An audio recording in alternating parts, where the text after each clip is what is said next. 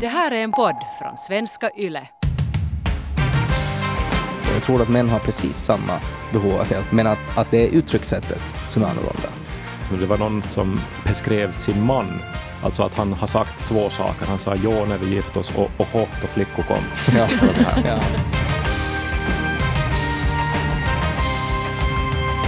Relationspodden Norren och Frans ska idag prata om manlig vänskap och eh, eftersom vi ju inte män så där direkt så har vi bjudit in lite förstärkning. Svensk-Finlands eh, härligaste karrar, männen bakom podcasten Ted och Kai. Kai Korkeaho och Ted Forsström. Hej på er! Hej! Hej! Det är roligt att vi är så många. vilken fin epitet, alltså Svenskfinlands härligaste karlar. Ja, Ja. Ganska fint. Vi, vi har en sån här rangordningslista och ni var där på toppen så vi ringde till er. Jag skulle säga att det finns ganska mycket härliga karlar i s- Svenskfinland. Ja, men du jag- tänker på lite... På, Jo, jo, men att jag tänkte det, var nog ganska stora skor att eh, kliva in i här. Mm. Eh, men eh, fantastiskt att vara här med Finlands härligaste kvinnor. Yes! Ja. Ja, Där har vi det, lite pliktskyldigt, men har- där kom det. Nu har alla smörat för alla så nu kan vi, nu kan vi sätta igång. Ja. Eh, vi ska alltså prata idag om manlig vänskap. Det här är ett sådant ämne som vi har varit nyfikna på väldigt länge, på hur det egentligen funkar. Och eh, i den här podden så har vi ju ändå en väldigt, väldigt stor andel av lyssnarskarorna som är just män. Och det är vi ju väldigt glada för. Vi får ofta höra liksom karlarnas åsikter, men det är sällan som män kommenterar de här. Och därför tänkte vi att det skulle vara bra med med lite karlar. Och, och speciellt när det kommer till manlig vänskap. För jag vet inte om vi nu kanske Eva som i egenskap av kvinnor har en, en lite så här stereotyp bild av hur manlig vänskap går till. Det vill säga att man eh, lite står och knuffar varandra i omklädningsrummen eller sparkar på Grillar. bildäcken eller, Eller- just grillar ja. eller, eller vet du, skjuter älgar eller, eller någonting sånt här medan man umgås. Men det kan ju hända att vi har helt fel. Och ni har ju varit vänner i, i evigheter och ni har gjort mycket saker tillsammans, både yrkesmässigt och privat. Men, men för den oinvigde, kan vi inte börja där någonstans, att eh, hur ni egentligen blev bästisar? Oj, ja alltså vi, vi blev ju kompisar i högstadiet när vi var 15. Så det, det är ju då en, eh, 20 år sedan ungefär. Eh, och vi sammanfördes väl i princip av en slump. Men att det var egentligen en gemensam rädsla som vi hade. Och det var alltså under en lägerskola eh, som vi då deltog i, i högstadiet, så, så fanns det ett disco som skulle vara på fredagskvällen. Stor avslutning. Klimax på lägerskolan var disco, men det ordnades ett- alternativ också. Om man inte ville gå på det här disco så ordnades det en frivillig nattvandring.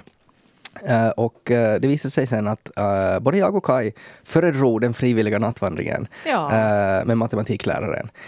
Så att det var tillsammans med matematikläraren då under en frivillig nattvandring så hittade vi varandra. Var ni Ja. på tre man hand då? I Ja, i princip. Och, och det var ju på något sätt det där, alltså vi, vi har väl sen dess då i 20 år så har vi väl på något sätt ältat det där att varför får vi inte på disco?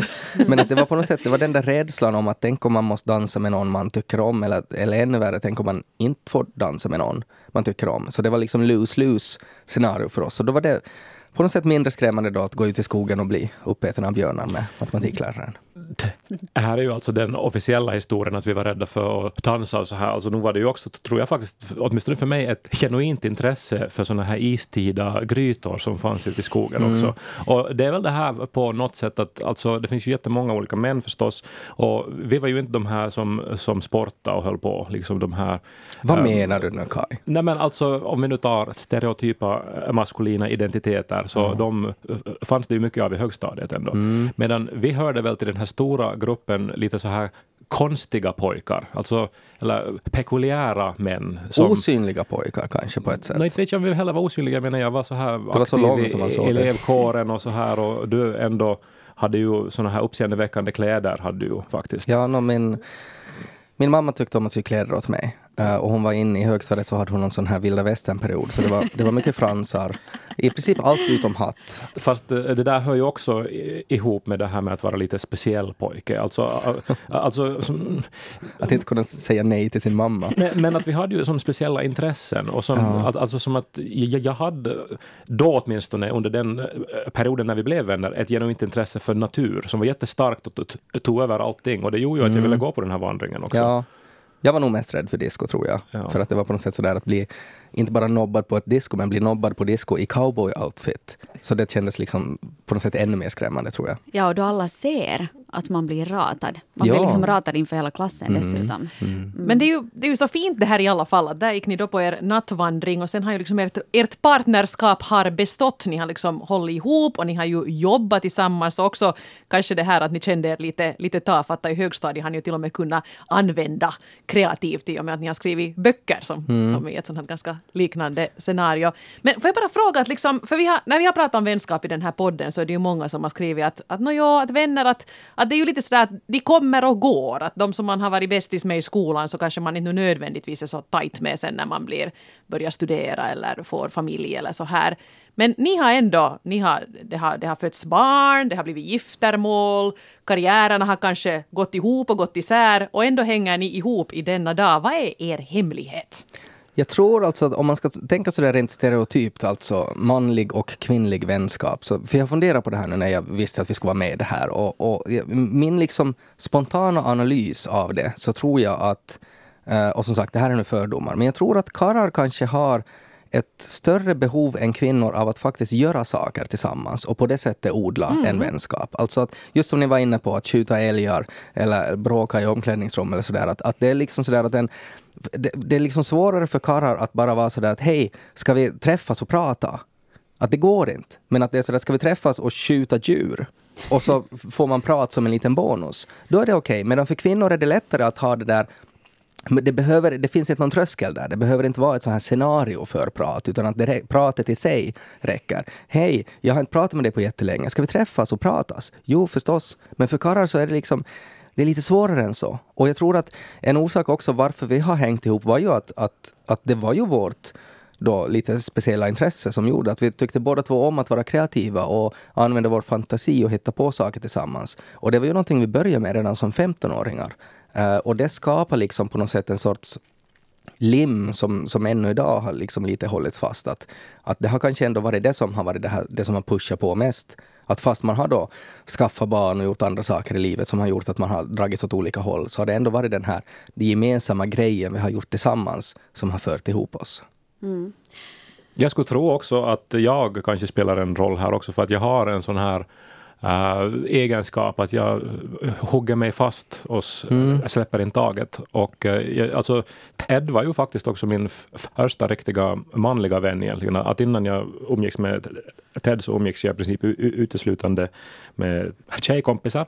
Och mm, har alltid liksom, om jag har fått mig en vän, vilket jag aldrig har tagit för givet och har inte heller liksom hemskt många nära vänner, men om jag har en sån så då håller jag fast vid den. Och de här tjejerna som jag umgicks med redan innan Ted så umgås jag med än idag också.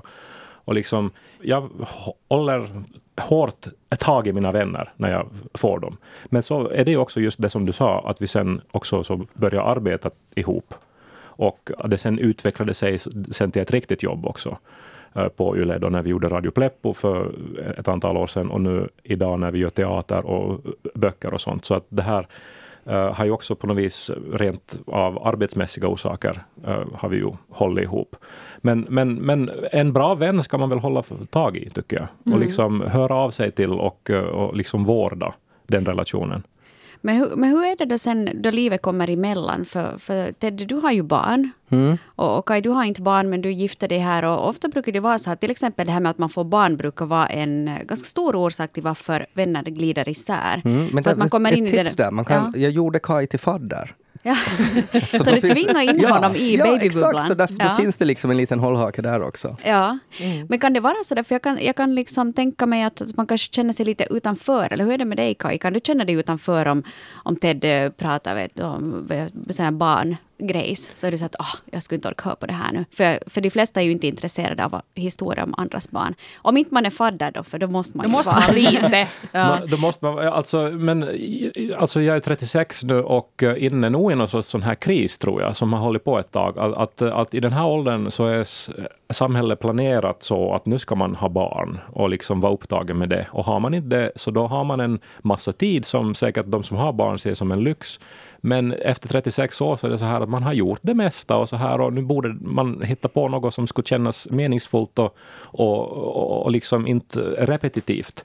Uh, och det här, eh, det är ju också det att eftersom alla andra då i princip har barn i den här åldern, så då blir man ju ganska ensam och så sitter man då där med, med, med sitt vinglas och ser på Netflix. Och det gör nog vi som har barn också för sig. jag fick en bild av Hanna i klubben när du sa det. ja, ja men, men, men att jag, jag visste ju då för Edvard var det här den sista av mina nära vänner som fick barn och, och jag var ju mm. hemskt glad när ni sa att ni skulle få uh, Lo. Men att uh, jag var också jätteledsen för jag visste att okej, okay, nu, nu, nu ändrar det här också. Och det gjorde det ju. Mm. Uh, men ja, eh, inte ska ju hindra livets eh, liksom, fortbestånd bara för att jag ska ha någon att hänga med på fredagskvällar. jag måste ändå fråga det här för att ni har ju båda, ni, ni pratar ju om era partners i er egen podd och, och uh, Ted är tillsammans med Janika, mm. mamman till barnet. Kai har ganska nyligen gift sig med Niko. Eh, och ni har ju hängt ihop ganska länge, men kommer ni ihåg då när ni skulle introducera de här era partners för, alltså, för varandra? Var det viktigt för er att liksom få godkännande av den här bästisen? Nu har vi ju båda två alltså rätt så länge då, då varit ihop med våra respektive. Jag försöker minnas när jag ens träffade Janika för första gången. Mm, det var på en picknick tror jag, i ja, Åbo. I Åbo, det här är ju jättelänge sedan. men att jag visste ju att Ed var kär igen. Uh, och uh, det här att det här var någon speciell och att hon var logoped som han och jag tänkte att det är ju bra för en som stammar och, och liksom om man har två logopeder i sin uh, närhet. men att alltså inte hade jag ju någonsin Alltså, nu, nu hade ju någon gång någon flickvän uh, när vi studerade som var så här att, alltså, att det här är inte bra för dig. Men det är nog inte lätt att säga, men du upptäckte Nej. det också rätt så mm. snabbt. Ja, alltså det är nog en jättesvår situation. Och för mig har det nog alltid varit jätteviktigt det. Alltså att hur, hur hanterar uh, Kai den här människan och hur hanterar den här människan Kai? Det är överlag tycker jag, eller jag har alltid haft som en sorts sån här kriterium eller så här test alltid så här på potentiella partners. Alltså det är ju inte bara att, att de ska tycka om en utan det är också där att jag menar att hur beter de sig med andra? Hur mm. Beter de sig åt servitören? Hur beter de sig åt, liksom, Det säger ju så mycket åt en människa. Liksom, för att hur man beter sig åt andra människor där man inte har någon, inget står på spel om det står en kärlek på spel så då beter man sig på ett visst sätt. Uh, och sen vill jag ju ha Kajs godkännande förstås, för att mm. han känner ju, han är ju den som känner mig bäst. Och att om han på något sätt träffar en människa som han direkt är sådär att oj, vad ska det här bli till? Så då kan det ju hända att jag är så förblindad av min kärlek att jag inte ser varningsklockorna som borde liksom plinga hela tiden. Det är ju lätt hänt. Ja, Men tycker ni, tycker ni att man äh, skulle en man berätta åt sin manliga vän då om, om det finns några varningsklockor? Är det så att man lägger man sig i oh. den andras liv? Ska man göra det? Det beror på logopeden, hon är ond. Ja, ja. Nej, det beror på alltså, av, av uh, hurdan tidigare erfarenhet har varit. Om, om det visar sig att Kai har en tendens att söka sig till destruktiva förhållanden och att jag skulle ha varit med om det många gånger tidigare, så då skulle jag ju förstås säga det. Att Kai, det här, du kommer inte att må bra av den här relationen. Mm. Det, där skulle jag liksom aldrig tveka, att jag skulle alltid säga det. För att jag skulle också vara så säker på att jag inte Uh, liksom, jag, jag, sätter inte vår vänskap på spel för att den är så stark. För att det är ju kanske det man ska vara rädd för då. Att om jag säger åt Kaj att jag tror inte att det här är inte bra för dig, så skulle det värsta som skulle kunna hända att han skulle reagera med att jag vill aldrig se dig igen. Att hur kan du mm. säga sådär att du ska inte komma mellan mig och Joso eller någonting. Uh, men, uh, men då skulle jag vara så säker i den situationen att, att en sån realitet så det, det finns inte. Mm. Så då skulle jag säga, men jag skulle nog väga mina ord väldigt väldigt mycket. För det är så superkänsligt ändå. Hur är det med dig Kaj Skulle du, skulle du lägga dig i Teds eller någon annan manlig väns äh, grejer?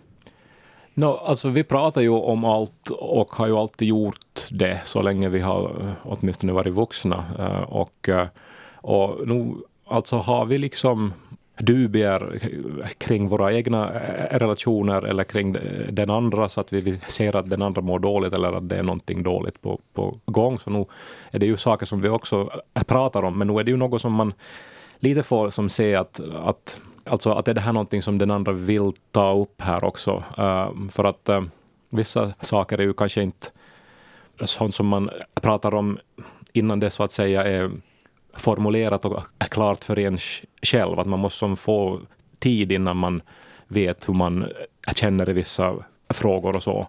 Och där så är det nog upp till vännen då att vara lyhörd och liksom inte pressa heller. Mm. Men, men har ni något sånt som ni inte kan prata om? Eller det är som, ni vet, något, något ämne ni vet som är som ett rött skynke för den andra? Saker som ni helt enkelt bara inte diskuterar för ni vet att det blir alltid bråk eller vi är alltid oense om det här eller det här är jättekänsligt. I så fall ifall ni har något sånt ska ni gärna lyfta upp dem nu inför hela Svenskfinland i det här sammanhanget tycker jag. Ja, nej, Ska alltså, vi tillsammans det här, är, ju- lyfta det är ju här? grejer som, som, jag menar det kan ju, varje gång vi bandar podd så kan det ju komma ett nytt sånt ämne. Men det är nog väldigt få såna. Och jag försöker tänka nu så här, finns det något så här modernt ämne som skulle vara så? Det har jag kanske svårt att säga. I något skede var det pälsnäring som var en sån här, okej det här kan vi inte diskutera. Uh, men eh, jag skulle nog säga det att vi kanske, uh, eller kanske jag märker mer det, för att Kaj är kanske den som är, jag kan vara mer konflikträdd än Kaj, tror jag. Att Kaj kan vara ganska drivande i, i vissa frågor och att jag kanske sådär märker i något skede att okej, nu, nu måste jag liksom ge upp det här för att det blir inte någonting. Och jag tror att då utstrålar jag någonting som också Kai snappar upp och så kanske man bara inser att okej, kanske vi, let's not go there just nu. Men sen ibland så kan det vara jättegivande att man faktiskt går dit och ser vad som händer. Så det är svårt att säga, men jag, jag skulle vilja säga att det inte finns något ämne som är liksom helt tabu. Men det är kanske sådär hur, hur långt man drar vissa saker, tror jag. Sen beror det på hur man mår för tillfället också. Att det är ju sådär att om allt är bra och att man är liksom så här jätte på något sätt så här att livet leker, så då är det också lättare att diskutera saker. Men att om man märker att oj nej, nu har Kaj en svår dag idag, då ska jag nog inte börja kritisera hans klädval eller något sånt där. Eh, eller livsstil eller någonting annat. Men det Eh, gör du på en bra dag. på en bra dag, på en bra dag när jag märker på Kaj att idag klarar han av det. Eh, och så börjar vi diskutera. Du ser lite plågad ut tycker jag. Nej, alltså det här, nu är det väl vissa ämnen som vi har försökt eh, enas kring, men som vi inte enas kring. Och det är helt okej, har man ju då insett. Uh, så här, alltså, eh, en återkommande sak är ju att Ted ju helst stannar hemma eller går hem tidigt en kväll och så här medan jag gärna då skulle som kanske försöka få ut någonting mer av olika sociala eh, situationer och gärna skulle Hetsar mig till att vara en annan människa än vad jag är egentligen. och, och, och gärna skulle få med honom och så här. Men att eh, det här är ju sånt som man har, jag menar ändå efter 15 år, vad är det, 20 år är det, 15 sen vi flyttade ihop. Vi har ju också bott ihop och när vi studerade. Eh, Men så, så alltså har man ju lärt sig det här för, för länge sedan så att man vet ju var det finns risk för att man är oense. Och det är okej att vara oense. Eh, men vi, vi är nu, alltså det är nog en, en kemi här också att Ted är ju alltså oerhört eh, stabil och lugn liksom står ut med mig på ett sätt. Alltså, jag är väl det här, nu vet jag inte vad det heter, det här alltså som att man är ett eh, så här osäkert element. Vad, vad heter det? Det finns ett så här Passionerat det. asshole. Det var den rätta termen. Ja. Eh, Men alltså som, som, som liksom försöker skapa på, på ett sätt eh, oordning, men alltså Mm. med, med god, goda in- intentioner. Medan Ja. Ted då liksom håller tillbaks och håller oss, eh, ja, håller ihop oss liksom. Uh, och det tycker jag är en bra kombo, liksom också i ett parförhållande men också i en vänskapsrelation. Att man är, Mm. man är lite olika. Mm. Det är en så absurd situation här, för jag glömmer ibland bort att jag också är med i den här podden. Jag tycker liksom att jag lyssnar på Ted och Kaj. Men jag kan ju också säga någonting. Och nu ska jag faktiskt kunna säga det att vi, vi bad ju in lite, som vi brukar göra, lite om, om berättelser från publiken, åsikter och anekdoter om manlig vänskap. Och jag tänkte att vi skulle kunna ta några av dem, så får ni kommentera och ge goda råd om ni känner att ni, ni sitter på sådana. Här kom till exempel ett, ett brev från signaturen Hambra som lite tangerar det här som, som ni redan var inne på. Eh, jo, med mina närmaste manliga vänner så talar jag om 94 procent av allt, men umgänge går nog kanske mera ut på att göra än att tala. Ibland onödigt att gå in allt för mycket på känslornas detaljer. Det är lättare att tala öppet om problem eller känslor i samband med att man gör någonting. Åtminstone funkar det fint för mig, skriver Hambra. Mm. Men det är ju kanske igen det här liksom klassiska, det här stereotypa manliga umgänget, att man träffas någonstans i någons garage och så drar man duken av någon så här slöjdfundering man håller på med och så pekar man på en skruv och att den är, den är något med skruven och så, "Ugh", och så, tittar, och så, så svänger man på det och så säger man och så tar man fram ett verktyg och så håller man på där. Och så i något skede då efter en timme och efter några öl så frågar någon att, att hur är det annars då? Nåja. Och så, och så var det liksom det pratet då. Ja. Och att det är mera det där mera den här känslan och på något sätt det där jag vet inte, det man utsöndrar i svett liksom genom en fysisk prestation, det är det som är liksom det här umgänget på ett sätt. Det lät lite hett det där. Ja. Det var någon, någon sån här manlig vän jag försökte fråga i just det här ämnet och eh, han sa just att, att man behöver inte älta alltid så, så himla mycket som kvinnor ofta har en tendens att göra. Att här har vi ett ämne och nu pratar vi om det i två timmar. Utan man frågar hur har du det där hemma och så säger man så här har jag det där hemma, hur har du det, så här har jag det och sen är det som färdigt med Ja, det. men det är ju Att- liksom anekdotiskt och lustigt och, och så här att förstås prata om generella skillnader mellan hur män umgås och kvinnor umgås. Och liksom, det är ju något som, som vi vid Gud har liksom använt i våra sketcher och så till exempel. Mm. Att, eh, alltså vet du, det var någon som beskrev sin, sin man. Okej, det var en relation mellan en man och en kvinna, men hon sa då att Alltså att han har sagt två saker. Han sa ja när vi gifte oss och oho då flickor kom. Ja. Så. Ja. Eh, och, och, och som liksom, det är ju jätteroligt så här att en man är inbunden och klumpig och tafatt och eh, tyst. Men det finns ju så många manligheter och så många olika män och så många olika sätt för män att umgås. Jag menar, jag umgås ju en del eh, också med andra män utom Ted. Och eh, jag menar, vi, vi ältar, vi skrattar, vi skvallrar, vi, vi jag hade tänkt säga slöjdar, men det kanske vi inte gör, men vi, vi seglar och så här. Ja. Och, och, och, och liksom gör allt som jag tror att helt vanliga människor gör. Så att, Ja. att, alltså visst, att, det, det kanske finns aktiviteter som endast, eller som mest män gör. Ted nämnde igår att han har aldrig sett en kvinna stå på en bro eller vid en kaj och meta.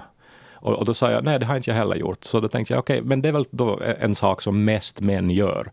Och, och då ihop. Men att uh, män gör ju det f- facto allt annat också. Ja, jag, jag, tror, jag, jag är helt alltså på något sätt just det där att, att män inte har ett likadant behov som kvinnor att älta saker. Det tror jag inte på. Jag tror att män har precis samma behov att älta. Och jag tror att män och kvinnor är mycket mer lika än vad man skulle tro utan att det är ju liksom samhället som drar en åt olika håll och sådär.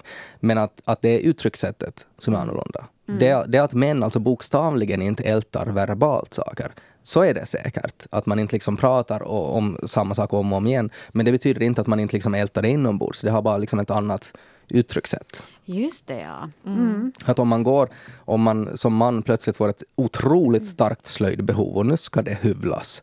Eh, så då, då är det egentligen kanske ett annat behov man har, att det är någonting annat man inte kan släppa och fundera på. Men att uttryckssättet blir att man hyvlar tills man blöder liksom och sen på något sätt så behandlar man saker. Om man då kan göra det med någon annan slöjdkompis som också hyvlar någonting, så då kanske det blir en diskussion kring någonting annat. Men att det på något sätt genom det här fysiska som man gör. Ja, Men- men- olika sätt att processa liksom. Men hur ser alltså ni på det här med att göra äh, saker ihop? Alltså jag tänker förr i världen åtminstone så har ju äh, kvinnor ofta samlats kring någon sorts aktivitet ändå. Alltså Syjunta. tänker- no, men alltså det är ju ett, till exempel ett, ett klassiskt exempel. Jag menar Arbis som ju är, än idag är en aktiv a- arrangör av olika sorts aktiviteter. Det är ju framförallt kvinnor som anmäler sig till de här olika kurserna och de anmäler sig i stora mängder och så här. Eh, Så nu umgås ju kvinnor också genom att göra saker ihop, tänker jag. Nå, nu är det ju så. Jag tror kanske att det också kan vara, jag tänker i mitt eget fall, att går man på en arbetskurs så då har man på något sätt skrivit in det i kalendern att då ska jag göra det här, min grej. Och då kanske man hinner älta lite där medan man syr. Mm. Ja, ja, kanske det. Jag tror nog mera liksom att kvinnor ändå gör, eller sitter ner och pratar. Eller på sin höjd går man ut och promenerar. För då kan man ju kombinera med att bränna kalorier samtidigt som man diskuterar hur eländiga alla karlar är. Det Det, jag brukar säga med mina kompisar, kvinnliga kompisar, då är ju kanske att nu måste vi sätta oss ner och, och förbättra världen en stund. Och det gör vi ju inte alls, utan vi, vi dricker nu ganska mycket vin och, och, och gnäller. Men det har ju sin, kanske har den där samma, samma verkan som det har det där att man går och hyvlar lite och, och, och grymtar. Men jag kan märka att jag tycker nog att det är väldigt bra att fokusera på enbart på det där samtalet. Jag kan märka att om jag bjuder hem vänner och så lagar jag lite mat, så om de börjar berätta något jättesaftigt samtidigt som jag står där och kockar min chateaubriand, så säger jag att hej, vet du, kan du vänta lite med det där, för att jag vill fokusera på det helt och hållet, så att jag inte missar någonting av vad du säger. Den blev well done nu, men att- det är ditt fel. Så att på det sättet kanske liksom egentligen det är vi kvinnor som inte klarar av att göra flera saker samtidigt i det här sammanhanget. Ser du? Mm. Där kom veckans insikt. Men apropå det här faktiskt så, så var här en, en berättelse som kanske lite tangerar det här. Det här är signaturen Fundersam 47 som jag tror är en kvinna som har skrivit. Jag har funderat på det här temat på sistone när jag sett på mina föräldrar som båda är 70 plus. Min mamma har ett jättenätverk med glada och aktiva damer som hon träffar regelbundet. Min pappa är däremot ja, lite en enstöring som gärna är på egen hand i lugn och ro som han säger. Just nu kanske han inte känner sig ensam heller, för han har ju mamma, men jag kan inte låta bli att tänka på hur hemskt det blir om min mamma dör före pappa. Då kommer det ju inte att finnas något kompisnätverk där som tröstar. Men inte kan man ju tvinga en äldre herreman att skaffa ett killgäng heller. Så vad ska man riktigt göra? Nej, det där, det där jag, jag, jag känner igen mig på något sätt i det där. För att Kaj var ju också inne på det här, att han är mer den här som liksom klöser sig fast vid någon och inte släpper taget. Alltså medan jag är då kanske mer den här stereotypa mannen då som inte inte riktigt förstår att på något sätt eh, odla vänskaper och, och, på något sätt faktiskt hålla dem vid liv, alltså som en liten surdeg som man måste få att växa. Eh, och, och jag tror att det där är kanske också någonting som samhället gör, alltså att, att pojkar inte får riktigt alla de här sociala verktygen som man kanske behöver, som, som, som faktiskt sen liksom uh, kommer till användning just vid sådana tillfällen när man blir äldre, när man plötsligt inser att aha, nu har jag ingen kompis plötsligt, för att man har inte heller varit den som har liksom ringt och hållit det vid liv, utan att det har liksom skett automatiskt. Och sen när det plötsligt slutar ske automatiskt, när skolan är slut, eller när man byter arbetsplats eller någonting, så då, har, då, då är man plötsligt så här helt utan skyddsnät och så här att jaha, shit, hur gör man nu då? Mm. Och då har man kanske bara sin fru, för att det är ju på ett sätt som kommer automatiskt en sorts vänskap där. Och att om det då det värsta inträffar, att, att ens fru dör eller någonting, så då är det ju lätt hänt att man blir väldigt ensam. Om man till exempel då inte har barn eller någonting. Att man, man saknar liksom en kontext och man har inte de verktyg som behövs för att på något sätt skapa nya. Men jag tror att kvinnor har en tendens att, att, liksom, att det kommer väldigt naturligt och väldigt så här att kvinnor är mer så här uh, vårdande av, liksom, av allt förstås, men att också av vänskaper. Att det, är liksom, det är lättare helt enkelt för kvinnor att se till att det hålls vid liv. Och går på de där arbetskurserna ja, som, som Kaj sa, att Precis. hitta nya kompisar. Ja, jag tror, ja, jag tror det. Eller jag tänker nu på kulturevenemang och sånt. Det är ju mm. för, för övrigt bevisat att människor som har ett kulturintresse och engagerar sin hjärna med teater och, och musik och, och, litteratur och sånt, så de mår också bättre när de blir äldre. Och eh, där går det också att möta människor och liksom få socialt eh, umgänge och så.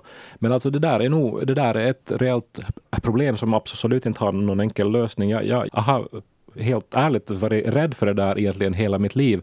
Uh, jag är rädd för, för många olika saker. Jag slutade röka också för att jag var livrädd för att bli sjuk av det och jag håller fast vid mina vänner för att jag är livrädd att bli ensam och så vidare. Så jag tycker att det där är något som, som man ska liksom ta på allvar i god tid mm. och uh, liksom vårda de relationer man har. Mm. För det är inte lätt att få nya vänner. Nej. Det var också en annan här som hade skrivit om, om det här med att hur man får nya kompisar att man inte egentligen har så många kompisar. Hur, hur ska man göra då? För jag menar nu i vuxen ålder så, så har man ju lite de kompisar som man har samlat på sig mm. under åren. Men vi säger nu att ni skulle vilja ha nya kara kompisar. Hur skulle ni gå tillväga då? Jag tror det där är kanske en grej då som män eventuellt har lite till sin fördel. För jag tror att män sitter ofta liksom mer i samma båt. Att, att alla karlar tenderar kanske att ha mindre vänner än vad en stereotyp kvinna har. Mm. Uh, och därför så tror jag också att det är kanske lättare för män att, att liksom få andra män som vänner än vad kvinnor har. Att jag tror att det är liksom Kvinnor tenderar att vara mer så här, mer, ett, ett större så här grupptänk och det är liksom svårare att på något sätt komma in, inkränkta på deras revir så att säga. Medan för karlarna är det mer så där att liksom man kommer på en kaffe och så får man på en kaffe och så är man vänner. Medan det är liksom kvinnor kanske har mera krav på en vänskap. Eller att sådär, att det, det, är inte liksom riktigt så lätt. Det här, nu igen alltså bara stereotypa ja. fördomar här. Men. men jag håller nog med om det där. Alltså, då, om jag fast träffar någon ny kvinna så måste jag känna att där finns lite sån här bästis potential för mm. att det ska vara värt att, att odla den där vänskapen. Och det, det låter ju lite hemskt, mm. men jag tänker att nu inte har jag tid för något ditåt tjafs. Nej, men. Så är det för, för mig också. Alltså, mm. Jag menar, speciellt i den här åldern nu så liksom, om inte jag genast märker att här finns någonting som jag, som jag är jätteintresserad av, så då skulle jag aldrig liksom orka så att säga slösa tid på att liksom kallprata och, och, och som allt sånt, alltså någon längre tid. Alltså att jag, kräver nog absolut mer då än som Ted då menar att en vanlig man skulle göra. Mm. Mm. Och, och, och, det gör ju att det är jättes svårt och sällsynt att få nya vänner. Mm. Jag skulle ännu vilja ge ett litet tips här personligen. Nu är jag ju inte en, en äldre 70 plus man, men, men jag vet bara mina egna föräldrar, eh, speciellt efter att de blev pensionerade, så de har aldrig haft så bråttom som de har nu. Och speciellt min pappa, så är, är, han är så sjukligt busy, men det är också att efter att eh, man har haft ett hel, en hel arbetskarriär bakom sig, så har man ännu den här driven av att göra någonting. Och där kan jag mm. nog tipsa just det, speciellt då människor som kanske har gått i pension, att känna sig lite ensamma och, och modfällda. Man vet inte riktigt vad man ska göra med sin tid. Det finns en uppsjö med föreningar man kan engagera sig i, frivillig arbete. I alla städer så finns det de här olika grupperna dit man alltid är välkommen. Du kan sjunga mm. i kör, du kan hitta på någonting annat. Så att, där tror jag nog också det att, att man måste ta det egna initiativet. Så finns det nog uh, ett nytt umgänge. Och man kanske hittar helt uh, nya kompisar som man aldrig ens har mm. känt i samma stad, bara man vågar ta sig någonstans. ja, det, och, och, och, om man också tänker liksom för äldre karlar, så rent stereotypiskt är ju det här att, att men köp någonting. Köp en båt och då kommer allt det där på köpet.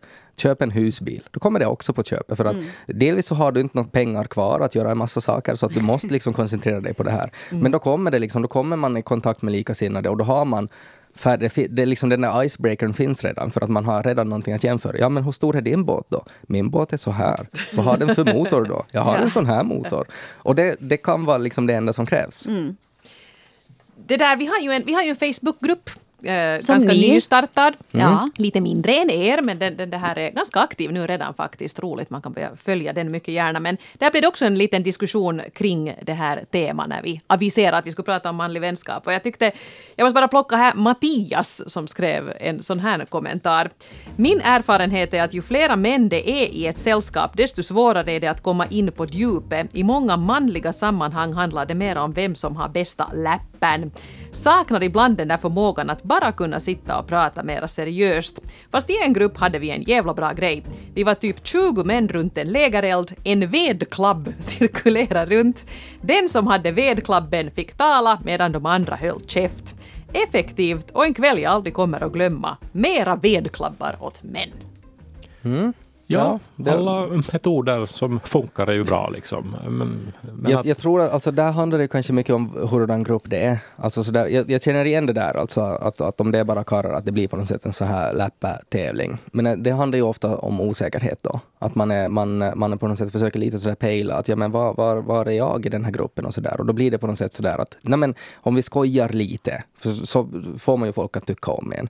Och så blir det ju så. Då måste man bara på något sätt komma över det där, att liksom på något sätt inse att ja, men kanske det inte behövs det här nu. Att kanske någon kan vara den här första som är sådär oj vad jag är trött idag, skulle inte orka skoja. Och sen om man säger det högt så kanske mm. kommer det fram just att, som den här Mattias, att han önskar att det skulle liksom kunna bli mera djup. Då ser någon annan, ja men okej, det finns åtminstone en till som inte bara vill dra läppe. Uh, och då påverkar det sen igen hela, hela gruppen. Mm. Fråga. Kan det vara så här att eh, män som samlas då i en större grupp, att där finns en liten sån här machotävling, att man därför inte heller vill säga någonting som är negativt. Man kanske upplever sig, mm, vet att man inte räcker till på jobbet, man har problem hemma, frugan gillar inte mig mera. Att det här är saker man inte gärna erkänner för andra män, just eh, med rädsla av att, att tappa ansikte inför de här mm. andra karlarna. Kan, kan det ligga någonting sånt i det, tror ni? Jag tror nog det kan vara så. Uh, men uh, man behöver ju aldrig gå med i en sån matchtävling. Och det är ju väldigt provocerande för de andra som är med i den tävlingen. Uh, det är någonting som jag alltid sådär personligen strävar till, för att det blir lätt så att man märker att okej, okay, nu upplevde den människan sig vara tvungen att säga sådär eller göra sådär för att på något sätt visa att det, det är nog jag som har byxorna på mig här och, och sådär. Uh, och då blir sådana människor ofta väldigt provocerade att man gör raka motsatsen, att man sådär visar demonstrativt att ja, okej, okay, jag kommer inte att gå med på det här, att bara för att du försökte sätta de reglerna. Och då handlar det ju ofta också om osäkerhet, liksom att den människan måste på något sätt visa. Uh, men det är nog någonting i det där också att man, man, man börjar lätt jämföra och att det på något sätt jag tror att, att det är liksom tydligare för en grupp med karlar än kanske för en grupp med kvinnor, att det på något sätt är så där en oskriven regel att okej, okay, men vem är det som leder det här sällskapet nu då? Vem, vem är det som är ledaren? Och om det inte är uppenbart, om det inte är ett styrelsemöte med en ordförande eller en lägereldskväll där det finns en vedklubb, så då är det oklart och då måste man på något sätt göra någonting så att det blir klart. För att vissa har ett jättestarkt behov, eller vissa karlar har ett jättestarkt behov att veta att okej, okay, men vem är det som håller i det här? För att vi kanske är mer så här analytiska eller så här drivna av logik än kvinnor, rent stereotypt. Så därför må, måste det finnas en hierarki innan man kan ta ställning till något. Det låter krångligt. Ja, Ja. Ja, och, och jag undrar, eller, eller nu i kännbar så skulle jag vilja problematisera här och mena att det där är, är ju igen, tycker jag, en ganska stereotyp bild av manliga gemenskaper. Men, men, men för jag nu vet om Ted, så du umgås ju hemskt lite i sådana grupper. ja alltså jag, jag, jag, Och- jag trivs inte i sådana grupper. Jag, jag skulle alltid föredra en blandad grupp. Och jag upplever liksom att nästan alla, eller som, alltså alla sammanhang som jag kommer på där jag um, umgås med män, och nu umgås jag då väl inte kanske de är vanliga män då. Eh, en del är homosexuella till exempel, om det spelar någon roll. En del är författare, om det spelar någon roll och, och så vidare. Det är Men konstiga människor. Det, alltså. men, men, men det är väldigt mycket ärligt känsloprat, det är prat om politik, det är prat om, om eh, re- relationer, om, om precis allting. Att, att, eh, alltså det finns så många olika manliga i, i, gemenskaper bara, att jag skulle inte vilja påstå att de är speciellt unika på, på något sätt, utan det är Jag vill- människor som träffas. Ja, jag tycker ju om att generalisera eh, och sådär och försöka fundera. Och jag tror att på det stora hela så tror jag att män är mer resultatdrivna. Att det, att det kräver mer så här att vi ska faktiskt ha kommit fram till någonting. Medan jag tror att, att kvinnor tenderar att vara mer sådär att Alltså det, det här klassiska att det, det, är liksom, det är inte målet som är grejen utan att det är destina, liksom hela, hela resan som är grejen. Och det här tror jag är helt sådär alltså från stenålderstiden, alltså sådär att när, när då jägar-samlar-samhälle, att liksom att när man for ut och skulle jaga en mammut så krävdes det att det fanns någon som, som pekade att där är mammuten, ska du kasta eller ska jag kasta? Alltså att, att det är mera det, medan att det kanske då är, var mera för samlarna så var det sådär att men vi går ut och ser hur mycket bär vi får, men vi kan ju prata och umgås och ha lite kul samtidigt. Ja, den där min grottman, han är nog ingenting att ha. ja, precis. Han Nej, han har det är flera år sedan han kom hem med en mammut. Ja. Men Ja. hörni, vi, vi kom ju lite in, men jag måste ändå fråga, apropå det här med tävling. Jag menar ändå, ni två eh, jobbar ju både tillsammans och var och en för sig i, i mediebranschen och, och så här. Eh, har ni någon gång känt att ni tävlar sinsemellan? Jag menar, Kai, du har blivit, de, båda har ni ju blivit författare, men du på ett lite annat sätt kanske, och Ted, du har blivit programledare på Extrem, sedermera producent och så här. Vad menar du Eva? Jag har nog gett ut böcker också. Jag hörde citationstecknet när du sa författare. Förlåt, Ja. jag, jag satt mig på snobbiga hästen. Nej men det, alltså det, jag- jag, jag bråkar för att det är ju just så här. Det är, alltså att, eh, och, och jag tror att svaret på det där är en, en väldigt stor hemlighet, tror jag, i vår relation, att vi verkligen inte tävlar. Eh, Okej. och, och, och jag tror att det, det är liksom jätteskönt och lite ovanligt, tror jag. För att min erfarenhet av karlar i allmänhet är ju att de är, tenderar att vara mer tävlingsinriktade än kvinnor, st- stereotypt. Eh, och jag har alltid tyckt att det är lite jobbigt. För jag tycker det är så otroligt, otroligt onödigt. För att ingen mår bra av att tävla. Tycker jag. det är ju, men det är ju för att det har med min personlighet att göra. Det är ju väldigt många som på något sätt sätter tävlingar. Att det är det som driver dem. Det är det som motiverar dem. Det är det som gör att de presterar. Men det är, måste ju vara så jättetungt. Och på något sätt så fort man klarar av att överge den där tävlingen, det är då man kan börja odla andra saker och inte bara ha det som en sån här stor, tar upp en stor procent av ens hjärna. Eh, och sen tror jag också att vi är så medvetna om våra styrkor och våra svagheter, så att därför blir det inte liksom...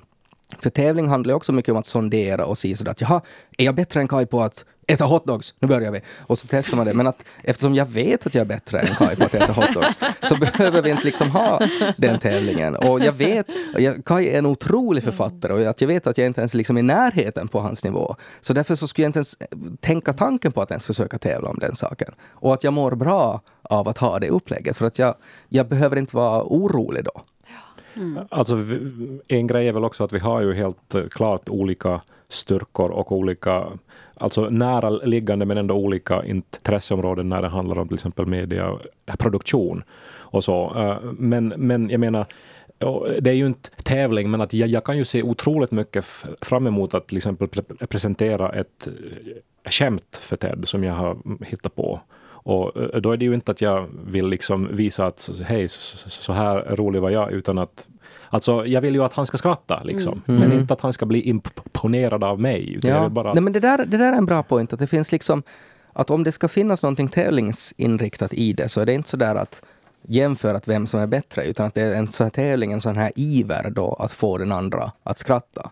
Som inte liksom förknippat med att se hur bra jag är, utan att på något sätt få dela med sig av att kolla vad skojigt jag kom på. Och så är det direkt att ja, det var jätteroligt och så är man liksom nöjd.